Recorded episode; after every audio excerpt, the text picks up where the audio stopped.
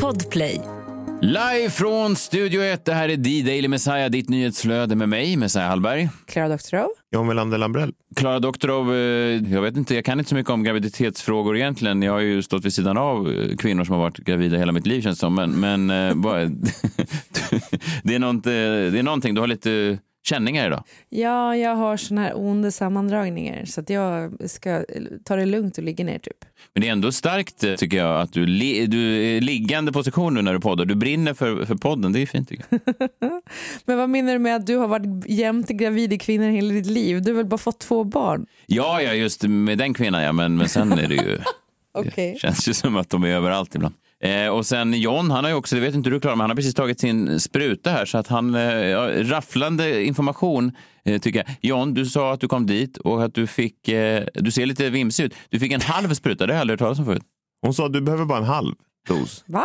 Ja, jag hade faktiskt inte heller hört talas om det. Och så satt hon utanför lokalen också när jag kom dit. Är du säker att det inte var som hon i Italien som eh, gav falska doser, alltså som låtsades ge folk doser och sen skit hon i det och sprutade i en servett istället bara för att liksom inte vaccinera folk? Ja, men det gör inte så mycket. Jag hade ändå en falsk gummiarm med mig så att det spelar inte stor roll.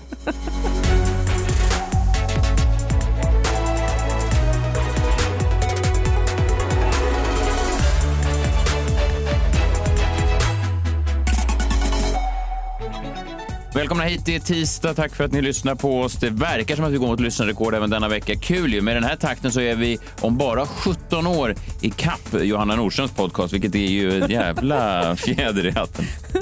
Jag har sån jävla respekt för folk som hela tiden poddar på distans. Som jag förstår så gör ju många det, Filip och Fredrik, och så här, att de sitter i olika eh, ändar av världen och pratar. Det, är, för det, det blir ju liksom som en rytmförskjutning som jag inte gillar. Och så gillar jag, man gillar att ha ögonkontakt med folk man, man poddar med. Jag vet inte, det är bara, det stör. Det tycker jag är, när pandemin är över så är det det jag kommer ta med mig mest, att folk äntligen kan podda ihop. Ja. Men välkomna till dagens avsnitt. Ja, verkligen. Välkomna Men hit. ni är ju ändå tillsammans. Ja, det är vi. Men det känns, vet du vad det känns som? Det känns som att man är ute och går med sin lite slöa, eh, trögtänkta kompis.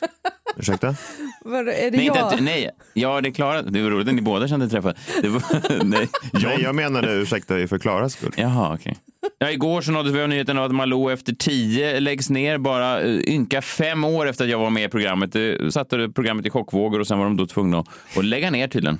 Ja, det är för jävligt. Jag tycker det är synd ändå, för det har varit liksom som en rätt bra eh, tv-kompis där för oss som har jobbat hemma väldigt mycket. Att man bara dratt på tvn och så har Malou sitter där och pratar om någonting som är helt obegripligt. Alltid sorgligt, alltid någon som är döende. Men det har ändå varit tryggt på något sätt att få den biten i liksom, under dagen. Ja, hon skrev ju då att hon skulle gå vidare till ett projekt som hon brann för och gärna hade velat eh, göra då. Det gick inte att matcha med, med det andra programmet. Ja, men det var ju Malou möter. Ja. Hur skiljer sig det? Nej, det är det jag inte riktigt förstår heller. Så att jag tror att vi kommer få se fler döende människor. Men Malou möter är ju som det hon gjorde förut, innan hon gjorde Malou efter tio. Typ som Stina Dabrowski, hon träffade liksom världskändisar och så. Så det kommer väl vara intervjuer, men sen så var det också snack om att hon skulle få göra det på ett nytt och spännande sätt. Och det undrar jag, hur fan nytt blir det liksom? Hon nämnde också någonting med att det var valår. Så att, eh, men jag känner verkligen det känns spännande med ett intervjuprogram där partiledarna verkligen intervjuas. Det känns som att det inte finns.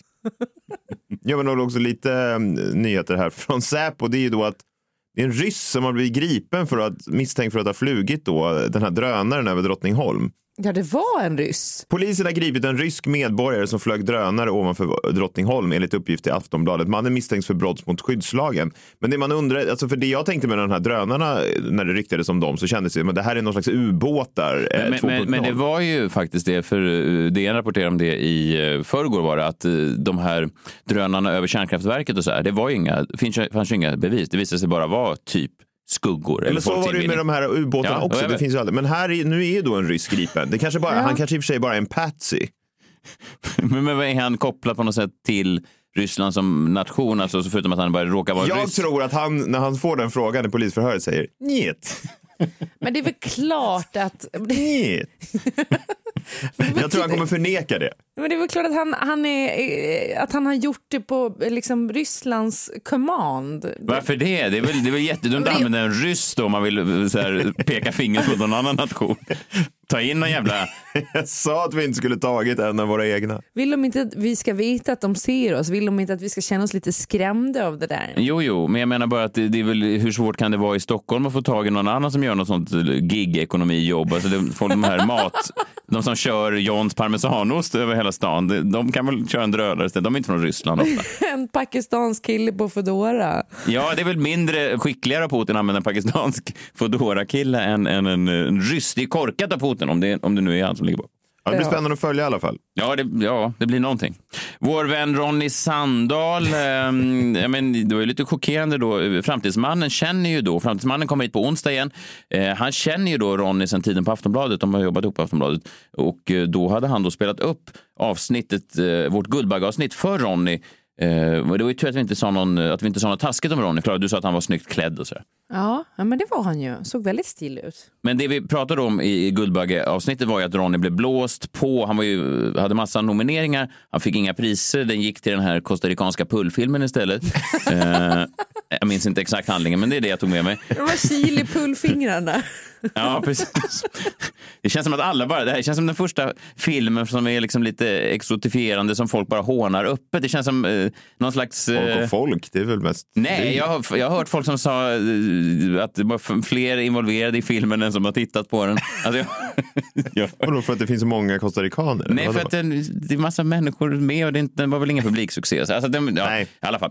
Ronny då fick ju inga eh, priser och eh, jag tänker att folk kanske såg honom på röda mattan innan Guldbaggen och bara sket i att ge honom priser. Så här sa Ronny då när han skulle gå in eh, på Guldbaggen för en vecka sedan. Hur är läget? Mycket bra, mycket bra. Ja. Du är lite favorittippad ikväll. ja, men det kanske vi borde vara sett till att vi har vunnit alla tidigare priserna. Mm, självsäker Ronny.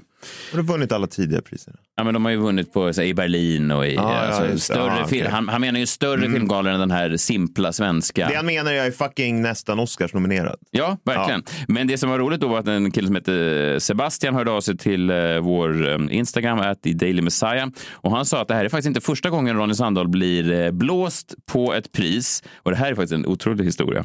Han kommer ju då från Falköping, en liten, liten stad. Som man, man kan säga vad man vill om Falköping, men den är, det är, folk växer, det växer inte stjärnor på träd. Nej, men det gör det inte. Det är inte deras kommunslogan, här växer stjärnor på träd. Nej, Ron är väl liksom en av de största exporterna därifrån. Då har de en lokal näringslivsgala då och där delas då ut priser för lokala aktörer i kategorier. En, det här är helt, om det här stämmer är det fan en av de bästa historier jag har hört. Okej. På Falköpings lokala gala i år så har de en kategori som heter Årets filmskapare. Där är Ronny, eh, då eftersom han är från Falköping, nominerad. Och filmskapare. Och filmskapare. och eh, nästan Oscarsnominerad och så vidare. Han går alltså upp mitt i natten för att digitalt ta emot detta pris för han sitter i LA. Sen är det dags för prisutdelningen av Årets filmskapare på Falköpings näringslivsgala. Ronny Sandahl dyker upp yrvaken i Zoomfönstret och sen så delar de då ut priset till pilsnerfilmen Vilske Kleva. Ett gäng amatörer från Falköping som spelar in en pilsnerfilm på sin iPhone. Nej! Nej, men det kan inte stämma. Sebastian skriver sen, Ronny stängde av sin länk utan att säga några avslutande ord. Ja, det förstår Det är jag. otroligt. Om det här stämmer, om inte eh, vår vän Sebastian driver med mig, så är det fan, fan, det där är ju en film i sig. Det är ju nästan så att det, det, om han är med i Stjärnorna på slottet någon gång, Ronny Sandahl, då är det där ta mig fan hans mörker.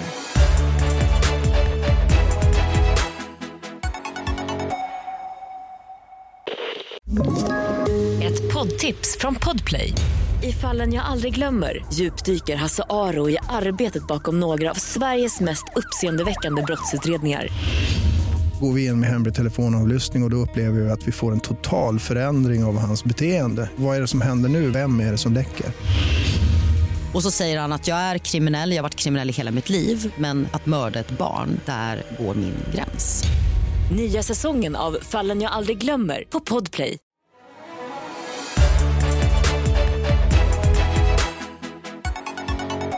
Man kan ha så himla mycket kul i eh, februari brukar man ju säga. Ja. Och det är första februari idag. Och det som då följer med från eh, tidigare månader, det är det här segmentet.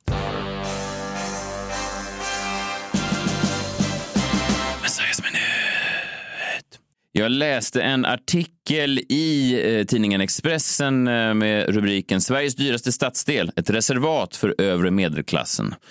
Ingressen lyder då Välkommen till Sveriges dyraste stadsdel, hem för den övre medelklassen som är rikare, friskare och har fler högskolepoäng än alla andra. Vasastan i Stockholm har sedan länge seglat förbi Östermalm med det dyraste kvadratmeterpriset i landet. Oj. En lång text då om eh, Vasastan i, i Stockholm. Ett område som innefattar ja, Odenplan och Sankt Eriksplan och många andra gator om man inte bor i Stockholm. Men det är en, en central del eh, som då har fått ett väldigt uppsving de senaste 20 åren. Det var inte riktigt så då när jag exempelvis då och John växte upp i Vasastan. Det var ju en, en annan tid. Männen hade hatt och monokel och, och kvinnorna hade könshår. Det var en helt annan, en helt annan tid. Men, alltså, du, så gammal är du inte för det första och för det andra. Du får alltid att låta som att du, levde, eller, du växte upp i någon fattig del av Sverige eller av Stockholm, men det har du inte gjort. Det är fortfarande Hur visste du att kvinnorna hade könshår när du var så ung? Jag såg bilderna. Bilderna. Vilka bilder? Vasastansbilderna. Fib Vasastad. Välkommen till Vasastan. Här har du Vasaparken. Här har du en hårig kvinna. Det var mycket sådär. Vad fint. Ja, det var, det var min barndom. Det Ja. var min, mina barndomsminnen. Ja, nej, jag tyckte det var en intressant artikel eh, just då för att jag är född och uppvuxen där. Och för att jag då med en sur gubbes övertygelse har gått runt och muttrat om den här förändringen, om den så kallade gentrifieringen, om hur Vasastan har förändrats sen, sen vi växte upp där då. Hur då, eh, ja men vadå, hur då hyresrätter har sålts av och folk från en viss klass har flyttat ut och en annan har flyttat in. Det är väldigt uppenbart, man kan skoja om det, men när man går på de där gatorna så är det väldigt uppenbart att det har skett någonting. Jag kan sörja det lite grann. Det är väldigt få alkisar på Vasastansgatorna längre. Eh, det är väldigt få knarklangare i gränderna. Eh, minns du John när vi växte upp, det, den här puben Fox and Badger, hur de satt där, Vasastans finest med försvunna tänder och haltande gång. Jag kommer ihåg, jag brukade vara där och kolla fotboll då för, eh, ja, det var liksom också en tid när man inte kunde få in fotbollsmatcherna hemma. Då fick man gå på puben och Det se var dem ett annat istället. Sverige, jag sa ju det. också väldigt Det är ett konstigt. annat Sverige. Ja, jag vet inte. Men då var det i alla fall, det var mycket alkisar där, det var väldigt trevligt då. Så det var alltid att komma in så här, det- då kommer jag ihåg att jag var där och såg en Chelsea-match på söndagen. Och så kom det in en, en kvinna då och sa Errol som bartendern hette. Errol, jag är så bakfull idag. Jag vill bara ha med mig en croque monsieur och ta med tack. Eh, och sen så ropade då, eh, vad heter det, hennes alkisgäng som satt längre in. Sulan! Sulan! Men, hej Inger! Eh, Errol, avbeställ croque monsieur och så ta in en karaff vitt istället. så var det på Vasastan på den tiden. Ja, så var det på den tiden. Och Dröm. jag saknar det. Jag saknar alkisarna i Vasastan. Och då kanske någon sitter och lyssnar på det här och säger, men Messiah, det finns ju massa förorter runt Stockholm där det är massa alkisar och kriminalitet. Dit kan du väl flytta då och säga, wow, wow, wow, lugn i bussen. Lagom mängd alkisar. Inte för många. Inte för många. Croque monsieur-alkis alla. Ja, jag, vill inte, jag vill inte stå på något förortstorg. Förstår jag menar? Jag vill bara ha en, en alkis i hörnet som jag kan gnugga mig mot och ge mitt liv lite av den svärta som jag eftersöker som en konstnärssjäl. Ja. Men det finns ju då en speciell grej med människorna som flyttar just till Vasastan som artikeln tar upp på ett mycket träffande sätt. Att då till skillnad från Östermalm då, där det finns gamla pengar, så lockar Vasastan en annan typ av rika. Nyrika, alltså inflyttade lattemammor och mäklarpappor från Borås och Halmstad, från Uddevalla och Helsingborg. Alltså, ni vet, småstädernas värsta rövhål som lämnar småstan bakom sig skrikandes Uddevalla har aldrig varit tillräckligt stort för mig. och så hoppar de på tåget och köpte en bostadsrätt i Vasastan. Det är alltså då människor som försöker vara urbana. Alltså de eh, beskrivs då i artikeln som att de beter sig så som de tror att människor i en global storstad beter sig. Ja, just det. Ja. Förstår ni? Den värsta typen av människa. Jaha, jag tänkte att du inte skulle lägga någon värdering i det, men den värsta, okej. Ja. Den absolut värsta typen av Det är alltså ingen slump att Johanna Nordström och Anis Don Demina precis har köpt bostadsrätter i Vasastan. Inte för att det är något fel på dem. De är ju kanon, jag gillar dem mycket. Men det, det säger någonting om att det finns en... Man lämnar småstaden bakom sig, man gör eh, pengar i storstan och då vill man ha en bostadsrätt i Vasastan. Det är, liksom, det är de nyrikas område. Mm. Ja. I artikeln då så finns det massa roliga exempel på det här. Eh, artikeln berättar om en stressad mamma inne på ICA Sabbatsberg som ropar åt sin son. Men skynda dig nu Julian, annars får vi ingen tryffelsalami. eh, och en annan då så är de på plats i Vasaparken, då en grönskande mittpunkt i Vasastan där de då för något år sedan byggde någonting som heter yogapaviljongen på en kulle.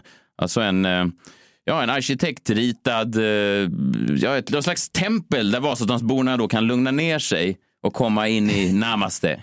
Men jag gick förbi där och undrade vad fan det var, för det såg så spexigt ut. Mm, precis, det är då en yogainstruktör som heter Frida Starvid. Eh, Hon bor granne där och hon var utbränd fysiskt och psykiskt och då blev yoga ett sånt bra stöd. Eh, Och nu när hon är tillbaka på banan, då kommer jag på att jag kan starta mitt eget varumärke. Och så säger folk i Vasastan. Det går väldigt snabbt. Från att man är helt utbränd fysiskt och psykiskt till att man känner, fan det är dags för mig att starta ett eget varumärke.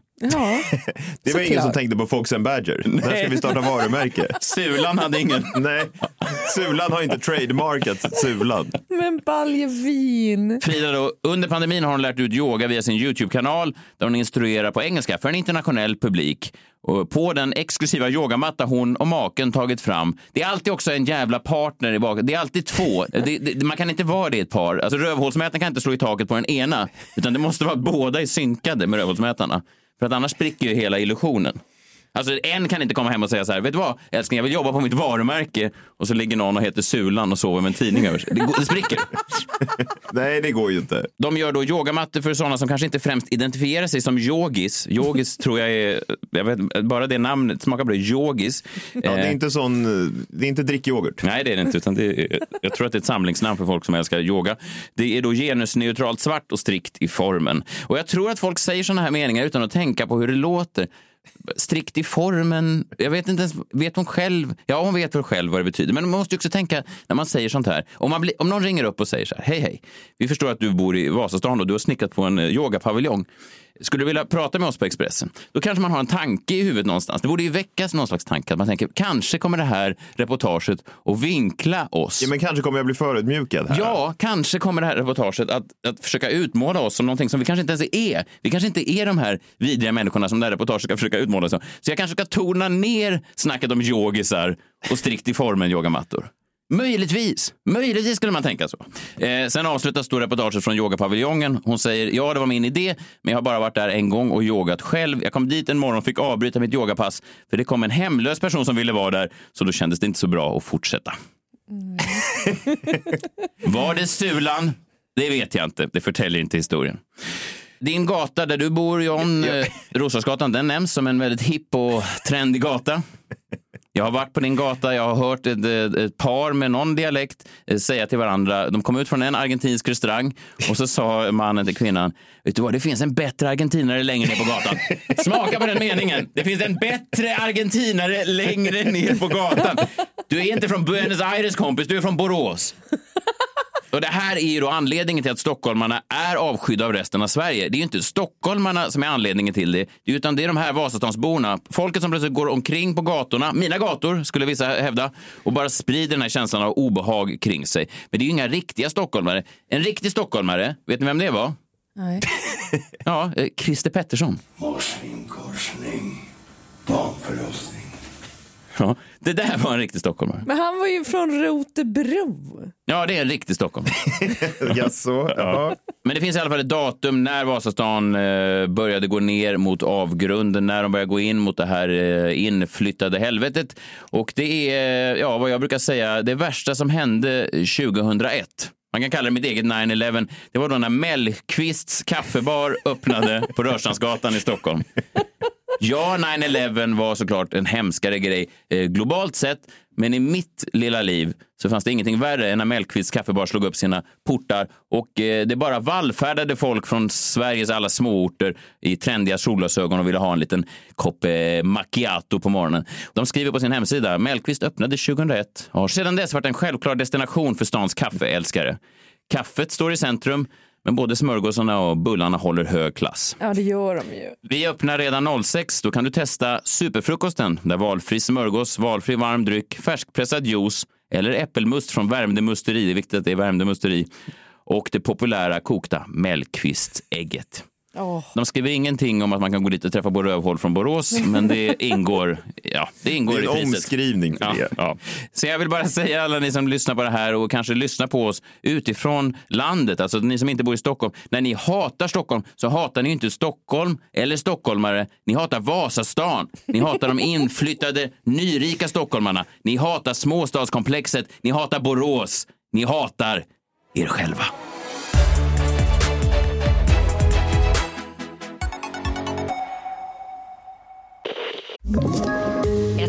Tips från Podplay.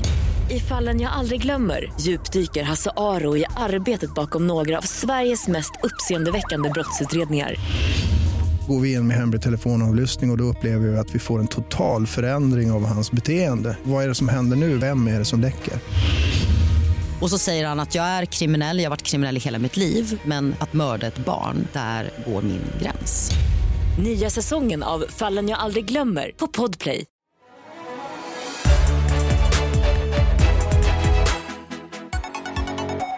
Också jätteroligt bara en grej, och det är att de där äggen, det är ju bara vanliga kokta jävla ägg. Men vadå, kallar de det Mellqvist, eh, det berömda Mellqvist? Ja. Det är Fy fan. Fy fan. Ja, Ja, nej. nej, det är inte ett vanligt kokt ägg, det är det populära kokta Mellqvistägget. Mm, välkommen till Stockholm, barn. Nu drar vi eh, jombola. Nu är det dags för Jombolan.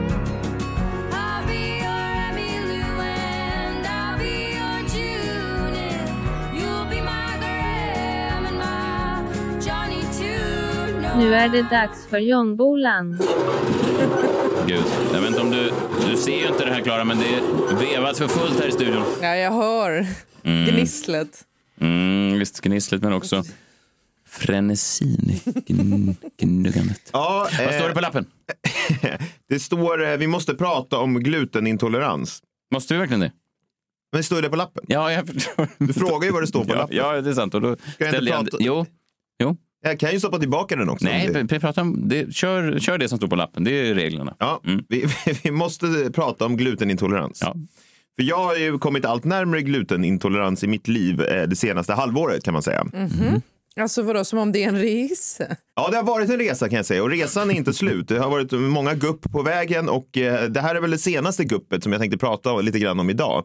För det är ju ungefär ett halvår sedan sedan min tjej Johanna blev diagnostiserad med celiaki som eh, betyder glutenintolerans. Ja, just det. Det vill säga man får inte äta mjöl typ, och dricka öl. Nej. Så, ja.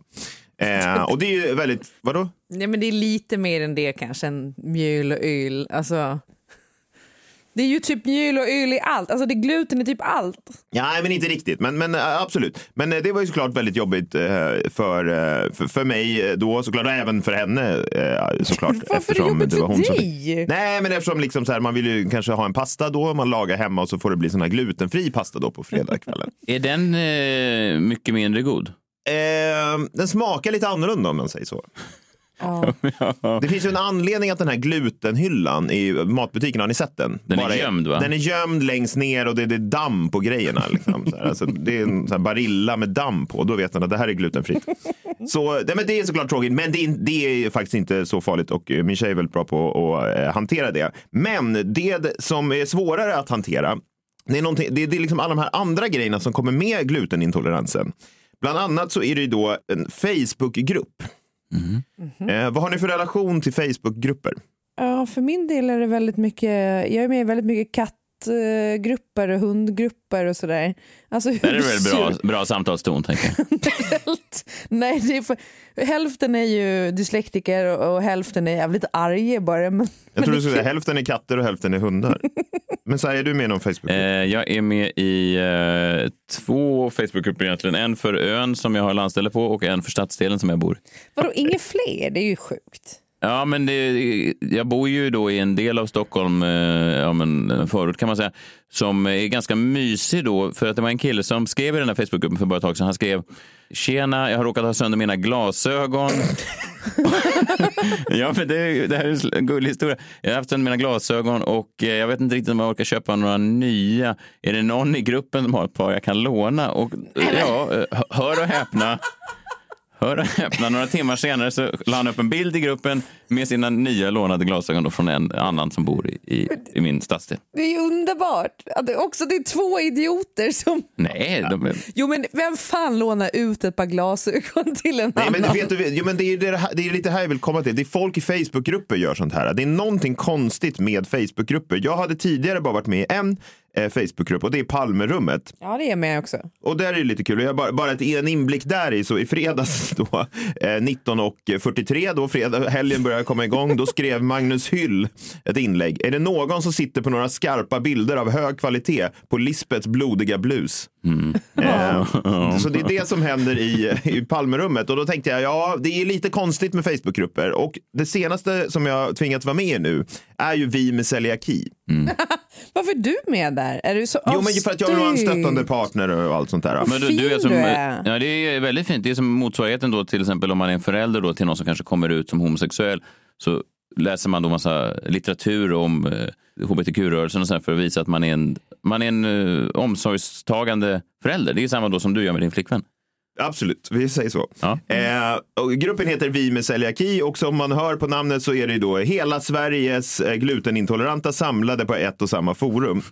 Varför känns det som att det är mycket gnäll här? Det är någonting annat. Va? Det är de här, det är glasögon som man vill låna, det är blodiga blusar. Det är någonting med Facebookgrupper som samlar landets kanske inte skarpaste intellektuella. Ja, jag, jag tycker det är taskigt. Det är mysigt att kunna säga att mina glasögon är sönder. Det är någon som har ett par. Jag säger inte att jag själv deltar i det, men det är ju, jag tycker det är mysigt att veta att det försiggår människor som är sådana. Alltså, det, så tänker jag alltid när jag ser folk som gör snälla grejer. Jag skulle inte vara så där snäll, men att folk är snälla eh, utanför mitt men, fönster. men jag tänker så här, här samlas hela Sveriges glutenintoleranta. Man tänker då att det ska liksom bjudas på liksom recept, eh, komma med smarta tips. Ja. Det är liksom ingenting av det. Utan istället då så kommer det lite inlägg då och då som dyker upp i mitt flöde. Så jag tänker jag läser ett, ett axplock, lite som jag gjorde på LinkedIn för några veckor sedan. Jag läser ett axplock av de inlägg som har funnits i Vi med celiaki Facebookgruppen den senaste tiden då. Och så kan ni tänka, är det här verkligen en stöttning för mig som medceliakist eller vad fan man blir om man är ihop med någon som har celiaki,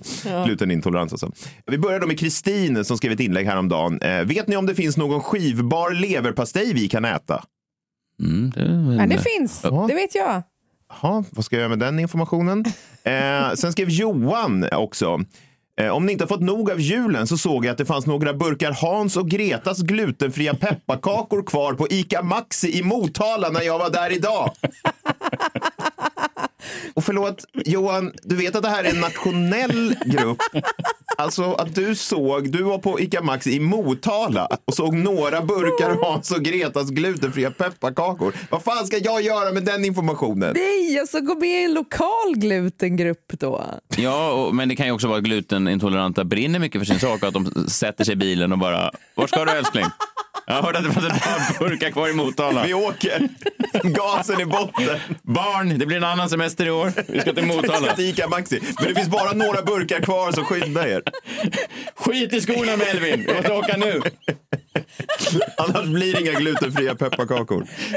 Fan vad sorgligt. Ja, här är några fler då. An- Angela fyllde på här. Blev så sugen på att göra toast i mackjärnet. Vilket bröd är godast? Och sen skrev Tia också häromdagen. Hej, jag är i Thailand just nu på semester. Någon som är eller har varit här innan och vet vad jag kan hitta för glutenfria alternativ. Ja, Vis. ja. Tia, du vet att Thailand är ett stort land. Alltså, du, ja, jag vet inte. Mm. Eh, vi har några exempel till här då. Linnea, är alla din ask glutenfri? Eh, Petra, finns det någon glutenfri julmust? Har försökt googla men misslyckades. Men är det, är det gluten i julmust? Men det står väl för fan på ingredienslistan, det är väl bara att titta. Ja, det, utan de, det gör inte folk, utan de loggar istället in på Vi med celiaki-gruppen. Lisa skriver, vet inte vad jag ska skriva så testar här. Försöker betala medlemsavgiften till Celiakiförbundet för nästa år, men lyckas inte skanna fakturan. Vad anger jag för OCR? Att endast ange mitt medlemsnummer går inte då jag får meddelandet OCR ogiltig. Tips tack. Mm. sen, ja, sen skriver Annika, någon som har ätit på restaurang Borgmästaren. Var? Det vet ingen. Ja, det, nej, det vet jag inte. Eh, Camilla skriver, jag saknar McDonalds äppelpaj. Hon har också stavat McDonalds med tre N.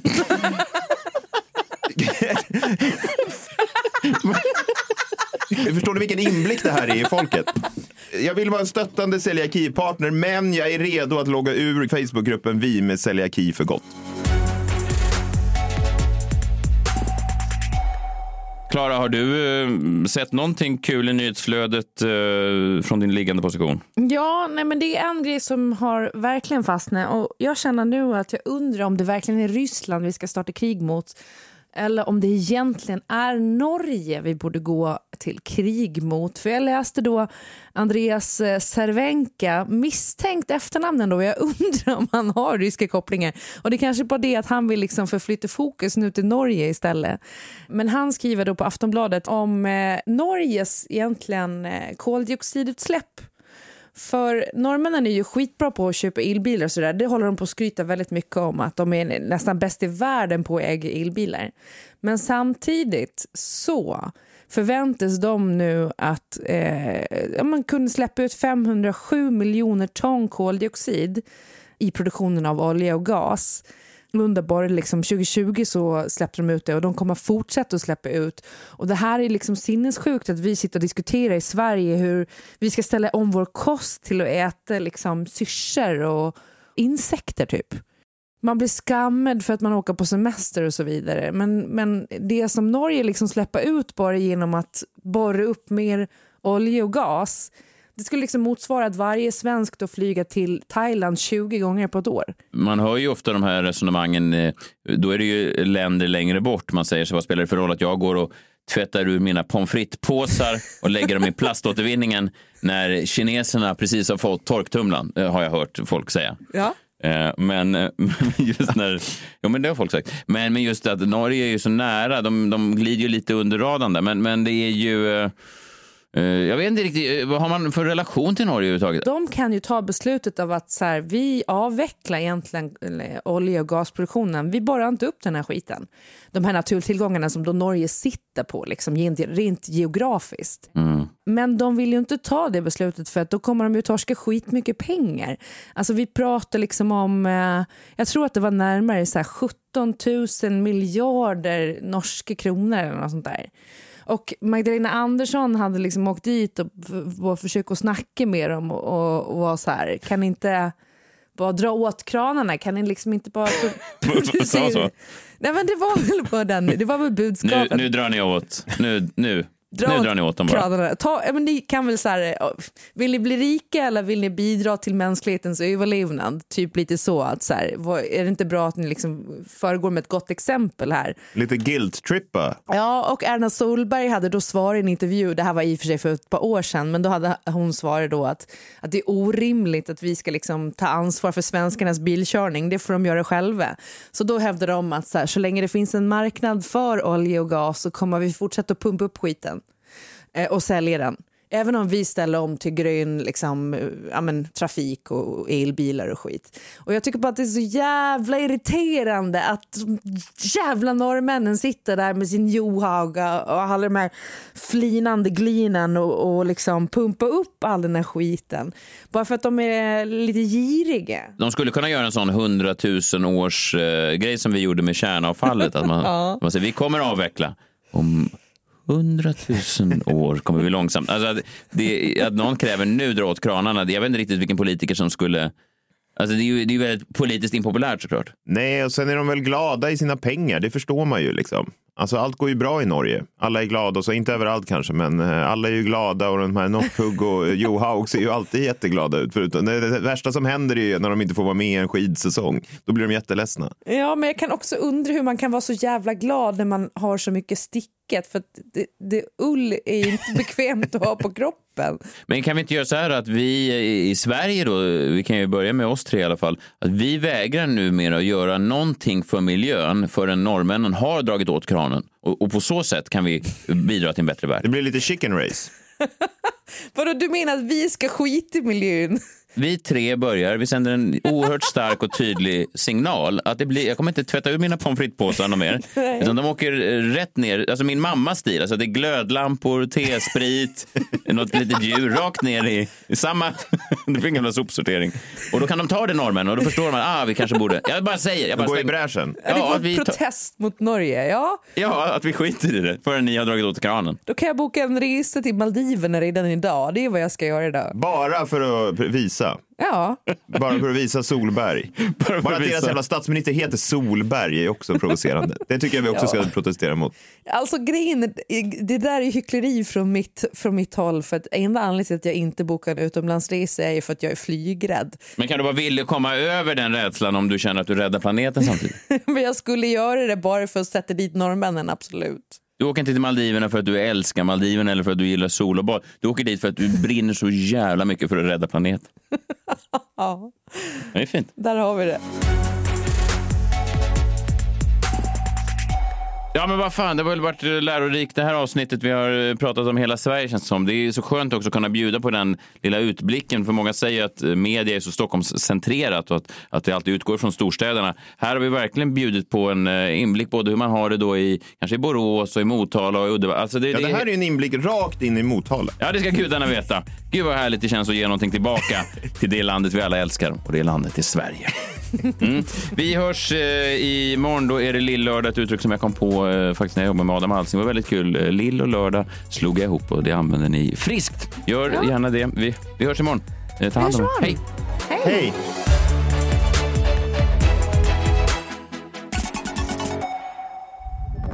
Podplay, en del av Power Media. Ett poddtips från Podplay. I fallen jag aldrig glömmer djupdyker Hasse Aro i arbetet bakom några av Sveriges mest uppseendeväckande brottsutredningar. Går vi in med hemlig telefonavlyssning och, och då upplever vi att vi får en total förändring av hans beteende. Vad är det som händer nu? Vem är det som läcker?